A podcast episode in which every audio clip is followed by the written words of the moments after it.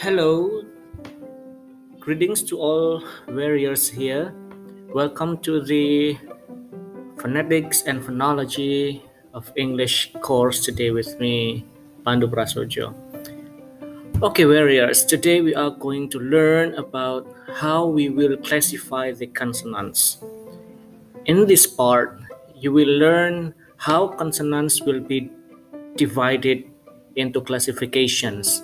The second thing is how you will name each consonant phonemes in a phonetics way. So in the end of this lesson, you are able to give label or names for each consonant phonemes. After this, after this, uh, follow uh, the next content of this lesson. Okay.